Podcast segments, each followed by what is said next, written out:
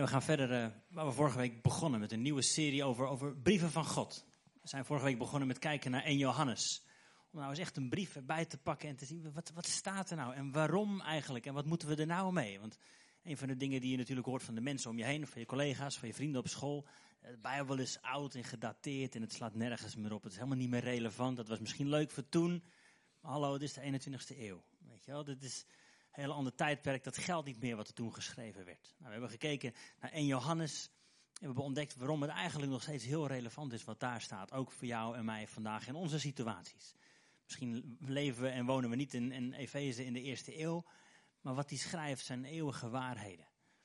En daar kunnen we wat mee. En daar mogen we wat mee. En daar moeten we wat mee. En heel rijk om, om een brief zo eens door te lezen. En um, voordat we straks Romeinen gaan bekijken. Uh, een paar algemene opmerkingen over, over de Bijbel. Eerste is, de Bijbel is geschreven door mensen, maar geïnspireerd door God. We hebben het vorige week ook gezegd. De Bijbel is geschreven door mensen, maar geïnspireerd door God. Vorige week lazen we, zei ik al, 1 Johannes. Johannes was de beste vriend van Jezus. Zo noemt hij zichzelf. De discipel die Jezus lief had. En dat, dat druipt door die hele brief heen. Vriendschap met Jezus is het allerbelangrijkste. En dat zie je dat, dat de persoonlijkheid en, wie Johannes was door die hele brief heen druipt. We zeiden ook al, Matthäus bijvoorbeeld was een tollenaar. En hij schrijft heel veel gelijkenissen juist over geld. Hij vertelt dat Jezus vertelt heel veel gelijkenissen over geld. Dus dan zie je, zijn persoonlijkheid druipt er doorheen. De Bijbel is geschreven door mensen, maar maar geïnspireerd door God. God heeft dit gebruikt en levend gemaakt en gestuurd, zodat het voor eeuwig voor ons beschikbaar is. Dus nummer 1, geschreven door mensen, geïnspireerd door God. Nummer 2, de Bijbel is niet geschreven aan ons. We leven in de 21ste eeuw, niet in de eerste eeuw of nog eeuwen daarvoor zelfs. Het is wel geschreven voor ons. Maar omdat hij niet geschreven is aan ons, moeten we ons altijd afvragen, ja, maar aan wie is die wel geschreven dan? En, wat betekende dit woord voor die mensen daar dan? En hoe kunnen we dat dan nu vertalen naar onze situatie? Dus nummer 1, Bijbel is geschreven door mensen, maar geïnspireerd door God. Nummer twee, niet geschreven aan ons, maar wel voor ons. En nummer drie, het geschreven woord, de Bijbel, wijst altijd naar het levende woord, naar Jezus. Jezus zegt dat tegen de schriftgeleerden. Je denkt dat je het leven vindt in deze woorden, in de schrift, maar je hebt niet door dat die woorden naar mij wijzen. Dus wat we ook doen, we moeten altijd de Bijbel lezen met die bril op. Het wijst altijd naar Jezus. Alle beloften die er zijn, zijn ja en amen in Jezus. Dus deze drie dingen voordat we gaan uh, Romeinen gaan induiken. Nou, misschien kun je met uh, me meebladeren naar Romeinen hoofdstuk 8. Dan gaan we twee stukjes lezen. Romeinen hoofdstuk 8 vanaf vers 12. Staat ook hier achterop. Lees hem uit de NBV. Er staat: Broeders en zusters, we hoeven ons niet langer te laten leiden door onze eigen wil. Als u dat wel doet, dan, dan zult u zeker sterven. Als u echter uw zondige wilt dood door de Heilige Geest, dan zult u leven. Alle die door de Geest van God worden geleid, zijn kinderen van God. U hebt de Geest niet ontvangen om opnieuw als slaven in angst te leven. U hebt de Geest ontvangen om Gods kinderen te zijn en om Hem te kunnen aanroepen met Abba, Vader of Papa. De Geest zelf verzekert onze geest dat wij Gods kinderen zijn. En nu we zijn kinderen zijn, dan zijn we ook zijn erfgenamen. Erfgenamen van God. Samen met Christus zijn we erfgenamen. We moeten delen in zijn lijden, om ook met hem te kunnen delen in Gods luister of Gods heerlijkheid. Even tot hier, een paar versen verder. Vanaf vers 31 lezen we dan, wat moeten we hier verder over zeggen? Als God voor ons is, wie kan dan tegen ons zijn?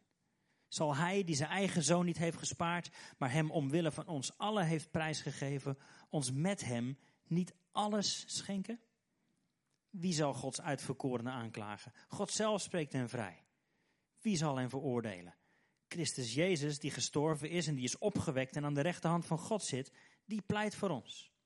Wat zal ons scheiden van de liefde van Christus? Tegenspoed of ellende of vervolging, honger of armoede, gevaar of het zwaard? Ja, er staat geschreven, om u worden wij dag na dag gedood en afgevoerd als schapen voor de slacht. Maar, maar we zegevieren in dit alles glansrijk, dankzij hem die ons heeft liefgehad. Ik ben ervan overtuigd dat dood nog leven, engelen nog machten, nog krachten, heden nog toekomst, hoogte nog diepte, of wat er ook maar in de schepping is, ons zou kunnen scheiden van de liefde van God, die Hij ons gegeven heeft in Christus Jezus onze Heer. Even tot hier, laten we bidden. Vader, wat een voorrecht om bij elkaar te mogen komen in een vrij land waar we gewoon uw woord mogen openen en samen mogen zijn en erover mogen nadenken en het op ons in laten werken. En ik wil bidden, Heilige Geest, dat u deze woorden levend maakt en ons inderdaad leidt dichter naar Jezus. Heer, en waar we in ons leven de andere kant op aan het lopen zijn, Heer, stel onze voeten bij. We willen ons bekeren en omdraaien en naar Jezus gaan, want we weten dat in Hem eeuwig leven is. Je zegen deze tijd zo samen. Maak uw woorden levend in ons, in Jezus' naam. Amen. Amen. We gaan dus kijken naar de brief aan de Romeinen. En als je aan de Romeinen denkt, dan moet ik altijd denken aan dit leuke plaatje. Rare jongens, die Romeinen. Echt heel leuk plaatje, echt een hele leuke strip. Maar deze strip is alleen leuk als je de context kent. Namelijk het volgende plaatje. Als je weet dat heel Gallië was bezet door de Romeinen. Heel Gallië? Nee, dat was één klein dorpje. Dat zie je daar linksboven. En helemaal rechts zie je het einde van het verhaal. Dit zijn natuurlijk de strips van Asterix en Obelix, waarin de, de zanger altijd uh, opgeknoopt ergens hangt, want die is irritant, maar het, het, loopt altijd goed af. Een stripje is alleen leuk als je de context kent. Geldt voor Asterix en Obelix, geldt voor rare jongens, die Romeinen. Dat geldt ook voor dit Bijbelboek wat we zo gaan lezen. Niet helemaal doorlezen, maar waar we het over gaan hebben. Het is alleen leuk en goed en interessant en waardevol en waar als je de context kent. Heel vaak pakken we zomaar even een vers eruit omdat die ons goed uitkomt. En, en soms voelen we ons veroordeeld door een vers wat er staat. Terwijl we eigenlijk helemaal niet, niet de context kennen. Als ik jou een, een, vroeger, toen wij nog verkering hadden, Heidi en ik toen, toen schreven we in een schriftje naar elkaar. Nou, als jij vandaag zo'n schriftje zou pakken, dan zou je denken, wat is dit voor rare relatie? Weet je, maar je kent de hele context niet. Daarom is het altijd goed om te kijken, wat, wat is de context van deze brief? Nou, en Weet je, over Romeinen zijn, zijn boeken, echt hele dikke boeken volgeschreven, zijn kasten volgeschreven. Maar een paar, een paar kleine dingetjes, want we kunnen dat niet allemaal behandelen hier natuurlijk. Uh, Romeinen is een lange brief. Een gemiddelde brief in, in die tijd, de eerste eeuw na Christus, was ongeveer 20 tot 200 woorden. Dus eventjes hallo, korte boodschap en de groeten. Maar het was duur om een brief te schrijven en hem te posten. Het gemiddelde van, van, de, van de brieven van Paulus is ongeveer 1300 woorden. Romein is 7000 woorden. Echt een hele grote lap tekst. Um, voor die tijd ook zelfs de langste brief uit die tijd. Ik vond een mooi citaat van, van Tom Wright, een moderne theoloog. Die schrijft over Romeinen. Het is geen systematische theologie. En het is ook geen samenvatting van het levenswerk van Paulus of zo. Maar iedereen weet dat dit zijn meesterwerk is. Het zet al zijn andere brieven in de schaduw, net zoals een reuzenalp die hoog uittorent boven andere heuvels en dorpen. Niet alle bewonderaars van die alp hebben het in hetzelfde licht bekeken of vanuit dezelfde hoek gezien. En de schilderijen en foto's zijn soms echt wel anders. En niet alle klimmers hebben dezelfde route naar boven afgelegd. En vaak zijn ze het oneens over de beste aanpak. Maar waar niemand aan twijfelt is dat we het hier hebben bij Romeinen over een werk van geweldige omvang die ons een formidabele intellectuele uitdaging geeft, maar ook een adembenemende theologische en geestelijke inkijk geeft. Dus we hebben, ik heb niet de pretentie dat we hier binnen twintig minuutjes even heel Romeinen uitleggen, kant-en-klaar, hap, hapklare blokjes en we weten precies hoe het zit. Zo is het niet. Mijn doel vanochtend is om, om je hongerig te maken naar meer lezen, meer weten, tijd doorbrengen in dat woord dat is het doel van deze preek, van alle andere preken die we doen. Het is niet hapklare brokjes en je kunt er weer een week tegenaan. Het is eerder bedoeld om, om je hongerig te maken. Om, om te denken, ja maar wat staat er nou dan? En wat bedoelt hij daar dan mee? Dit zinnetje lazen we ook wel, maar wat stond er nou echt? Dat is mijn doel deze ochtend. Vorige week met Johannes, vandaag met Romeinen. Ga zelf lezen. Ga zelf lezen. Dat is ons doel, ook, ook met deze ochtenden natuurlijk. We hebben niet de pretentie dat we op een zondagochtend alles kunnen doen wat een kerk doet. Soms horen we dat wel. Ja, ja, alle focus ligt op zondag. Nee, helemaal niet. Helemaal niet. Weet je wat Heidi al zei? S ochtends hebben we een, een, korte tijd van aanbidding. Heerlijke tijd. Maar dat is niet genoeg voor jou om, om de hele week op te kunnen teren of zo. Laat het je hongerig maken naar je eigen tijd met God doorbrengen. Weet je, straks gaan we lekker samen eten en koffie drinken en, en samen zijn. Het is veel te kort om echt relaties te bouwen. Ons doel is dat het je hongerig maakt om relaties te gaan maken met elkaar. Nodig mensen thuis uit. Ga, ga samen aan de gang daarmee. Ga relaties bouwen. Ga samen het woord lezen enzovoort. En daarom afgelopen paar weken had Kostian een toffe cursus over het vaderhart van God. Waarin hij onder andere deze teksten onder de loep heeft genomen. Het kan niet allemaal op zondag. Als je een zondag zou moeten vergelijken, of een, kerk zou moeten vergelijken met een huis, dan is de zondag uh, onze woonkamer of zo. Hier ontmoet je elkaar, hier heb je leuke gesprekken. Het is niet de slaapkamer waar je je meest intieme momenten deelt met elkaar. Kan niet, er is geen ruimte voor op zondag. Moet je ook niet willen. Het is ook niet de wc waar je afkomt van al je ellende. Kan niet op zondag. Er is geen ruimte voor, willen we niet zien. En daar heb je pastorale gesprekken voor, daar heb je hartsgesprekken voor. Dit is onze woonkamer. En het laat het je hongerig maken naar meer van Gods woord. Dus we gaan kijken naar Romeinen. Nou, vraag 1, vorige week ook gesteld. Wie, wie heeft deze brief dan geschreven? Antwoord is Paulus. Blijkt uit de brief, staat in de brief meerdere keren. Hij heeft hem gedicteerd eigenlijk. Verderop, helemaal aan het eind blijkt, hij heeft hem gedicteerd aan iemand die snel aan het meeschrijven was. Dus Paulus heeft deze brief in ieder geval geïnitieerd. Daarna vraag 2 natuurlijk, ja, maar wanneer en aan wie is die dan geschreven? Hele belangrijke vraag. En uh, hij heet Romeinen, dus daar heeft het wel iets mee te maken natuurlijk. Het is de kerk in Rome. Nou, wat bijzonder is aan deze kerkgroep christenen in Rome, is de kerk is niet door Paulus gesticht. Hij was er nog nooit geweest toen hij deze brief schreef. En dat is eigenlijk bijzonder, want alle andere brieven die hij schreef, waren juist naar kerken waar hij wel zelf geweest was. Maar toch heeft hij nu de vrijmoedigheid genomen om, om zijn brief te schrijven. Eerder zei hij, als iemand anders geplant heeft, dan blijf ik er vanaf. Dan hoef ik me er niet mee te bemoeien. Dan ga ik door naar waar nog niemand geweest is. Maar hier heeft hij wel de moeite genomen om te schrijven. En de meningen lopen een beetje uiteen. Onder andere denken we omdat hij via Rome naar Spanje wilde gaan. Dus hij wilde alvast zichzelf kenbaar maken. Maar hij wilde ook wel wat issues aanstippen in deze brief. En dat, dat blijkt straks ook als we zeggen waarom heeft hij hen geschreven. De kerk in Rome is, is dus niet gesticht door Paulus, maar waarschijnlijk, denken we, weten we niet zeker, maar waarschijnlijk door Joden die daar waren in Jeruzalem tijdens de eerste Pinksterdag. Weet je nog dat de hemel open ging, dat de Heilige Geest uitgestort werd en dat er 3000 mensen tot bekering kwamen. Nou, er waren natuurlijk ook Joden bij die woonden in Rome. Dus waarschijnlijk denken we zijn ze teruggegaan naar Rome en zijn ze daarmee aan de gang gegaan. Hebben ze een groep gevormd, hebben ze een kerk gevormd en zijn ze gaan nadenken over de schriften en hoe die naar Jezus wezen. Dat was de groep christenen.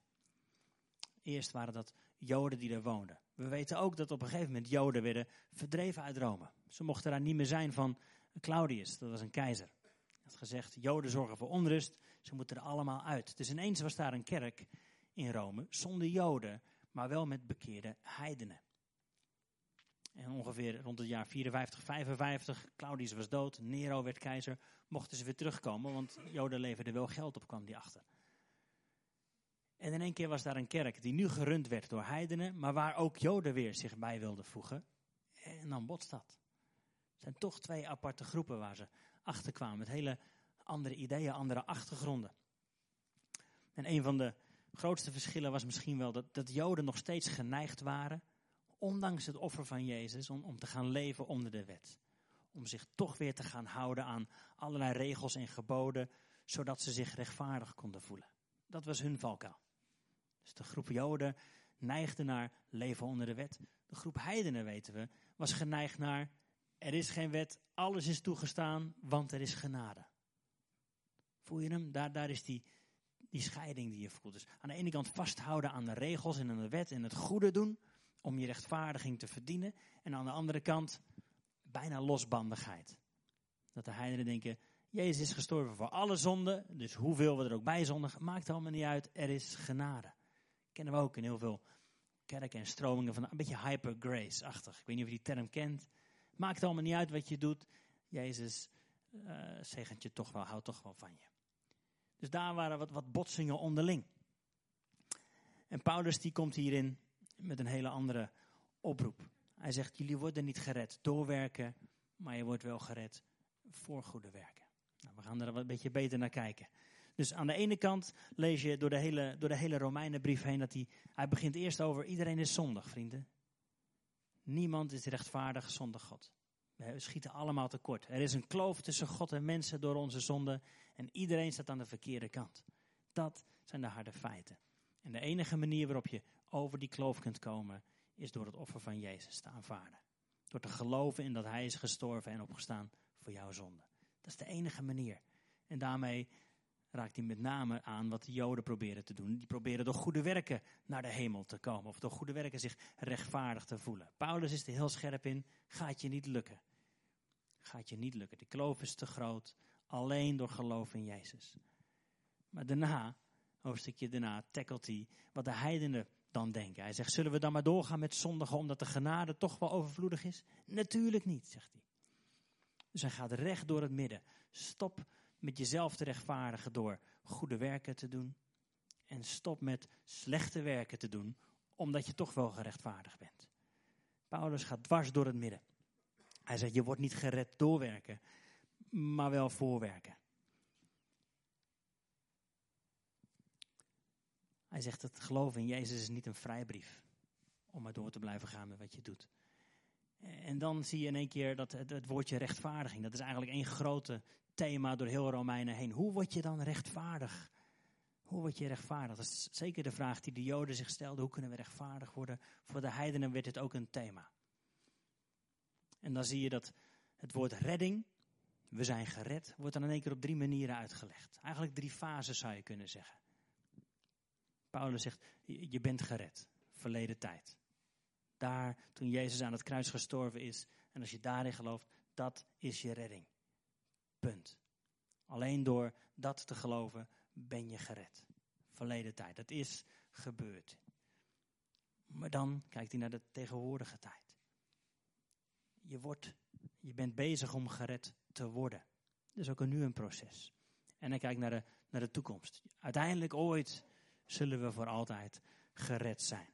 In drie andere woorden, eh, rechtvaardiging door het offer van Jezus. Heiliging is wat we nu meemaken en verheerlijking is wat we ooit gaan meemaken. Als Jezus terugkomt, als de nieuwe hemel, nieuwe aarde daar is. En vaak denken we, oh, ik, heb, ik ben eh, gaan geloven in Jezus en dat is alles wat er nodig was.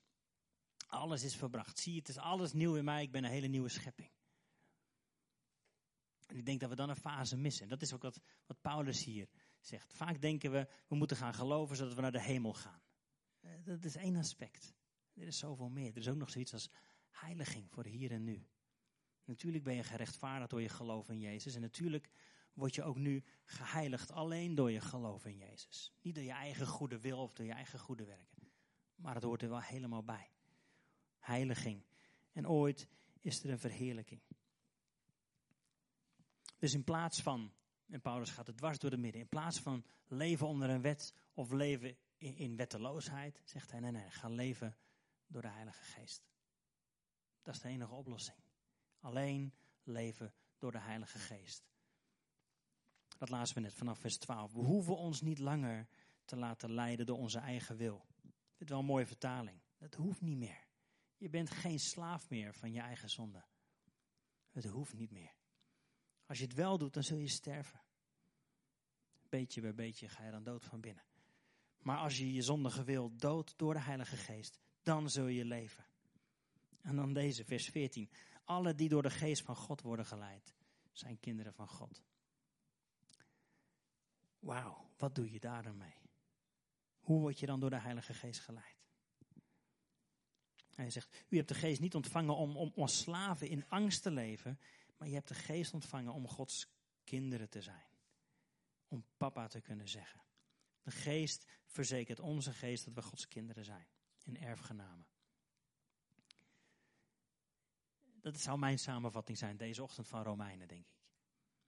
Niet, niet leven onder een wet, ook niet leven in wetteloosheid, maar leven geleid door de Heilige Geest als kinderen van de Vader, als erfgenamen. En hoe doe je dat, geleid worden door de Heilige Geest? Moet je dan de hele dag naar boven kijken, bidden, alleen maar wachten? Goeie vraag, hoe doe jij dat? Ik denk dat het voor ons allemaal anders is. Wat ik wel weet is dat op zondagochtend je alleen laten leiden door de Heilige Geest gaat het niet worden. Ik geloof veel meer in maandag tot en met vrijdag op je werk, daar geleid worden door de Heilige Geest. En toen ik het voorbereidde, Wim, moest ik aan jou denken. Aan, aan jouw werk. Ik geloof dat God wil zeggen, je wordt daarin geleid door de Heilige Geest. Het is niet te min omdat het niet op zondag is. Maar ik geloof dat de manier waarop jij met je klanten omgaat, de manier waarop je creatieve ideeën krijgt om projecten op te zetten, dat geleid door de Heilige Geest. En dat het ook vrucht draagt in de relaties die je daar opbouwt. Dus wees ermee bemoedigd. Geloof ik echt. En het is voor ons ook. Weet je, God wil dat doen. Op je werk, je laten leiden door de Heilige Geest. Hoe kun je mensen bereiken? Hoe kun je creatief denken? De geest die daar was in Genesis 1, die hemel en aarde schiep, woont in ons. We zijn veel creatiever dan we denken. Veel creatiever dan we denken. Die Heilige Geest wil ons leiden. Ik moet ook denken aan jou, Ineke en Antoni. In de situatie waarin je nu zit, dat je denkt, wat is dit? Maar God gaat doorbreken, ook in je werk. Weet je, die dromen die jullie hadden voor je werk, zijn van God gegeven. Het is niet zomaar een mindachtig dingetje. Nee, nee. Het is God ingeblazen. Dus hou vol. Hou vol. Ga door. Weet je, God wil ons leiden door zijn Heilige Geest. Ik zou daar graag wat tijd voor willen nemen straks ook. Als we, als we gaan staan, als we wat tijd nemen om, om samen te zingen nog. Heilige Geest, vul ons opnieuw. Leid ons opnieuw. Breek van ons af waar we nog vasthouden aan onze eigen goede werken. Het kan zo'n valkuil zijn dat je denkt, het zit wel goed met mij, want ik heb vandaag goede dingen gedaan. Hoeveel van onze identiteit is niet gebouwd op onze eigen werken? Op onze eigen goede dingen. Wat nou als dat allemaal van ons afgenomen zou worden? Zijn we dan nog steeds kinderen van God? Weten we dan nog steeds, we zijn waardevol? Ook al hebben we echt een rot dag, een rot jaar gehad. Weten we dan nog steeds, ja maar, ik ben zijn geliefde kind en ik mag papa zeggen. En waar ik ga, word ik geleid door de Heilige Geest. Dat is wat God aan ons wil geven deze ochtend. Ja, we zijn gerechtvaardigd. En zoals je hier zit, hoop ik dat je dat met me mee kunt zeggen. Ja, ik geloof dat Jezus voor mij is gestorven en opgestaan. Daarmee ben je voor eeuwig gered. Je bent gerechtvaardigd voor altijd. Maar vandaag, wilt u mij heiligen. Wilt u die dingen van me afhalen die niet meer bij me horen. Wilt u me schoonmaken, schoonwassen en door uw heilige geest. Elke dag mij verfrissen, mij vervullen. In de Bijbel wordt het gebruikt, het beeld van het bloed en het water. Het bloed van Jezus toen hij stierf van het kruis. Dat reinigt ons van alle zonden. Maar het water hebben we ook nodig om ons elke dag schoon te wassen. Schoon te spoelen van, van de dingen die we meemaken. Het hoeft niet eens je eigen schuld te zijn, maar als je komt op je werk in een, in een moeilijke situatie waar dingen op je afgegooid worden, dan heb je het nodig dat je schoongewassen wordt. Door het water van zijn Heilige Geest. Zo we gaan staan en willen we daar wat tijd voor maken. Om de Heilige Geest uit te nodigen. Om ons te laten heiligen. We geloven, Vader, dat we voor altijd gered zijn door wat u deed aan het kruis, Jezus. En we geloven dat we ooit in de toekomst voor eeuwig met u zullen zijn en verheerlijkt zullen zijn. Maar vandaag weten we, we hebben uw heiliging nodig. We hebben de leiding van uw Heilige Geest nodig. Dat u over ons heen spoelen deze ochtend. Ons opnieuw vervullen en verfrissen.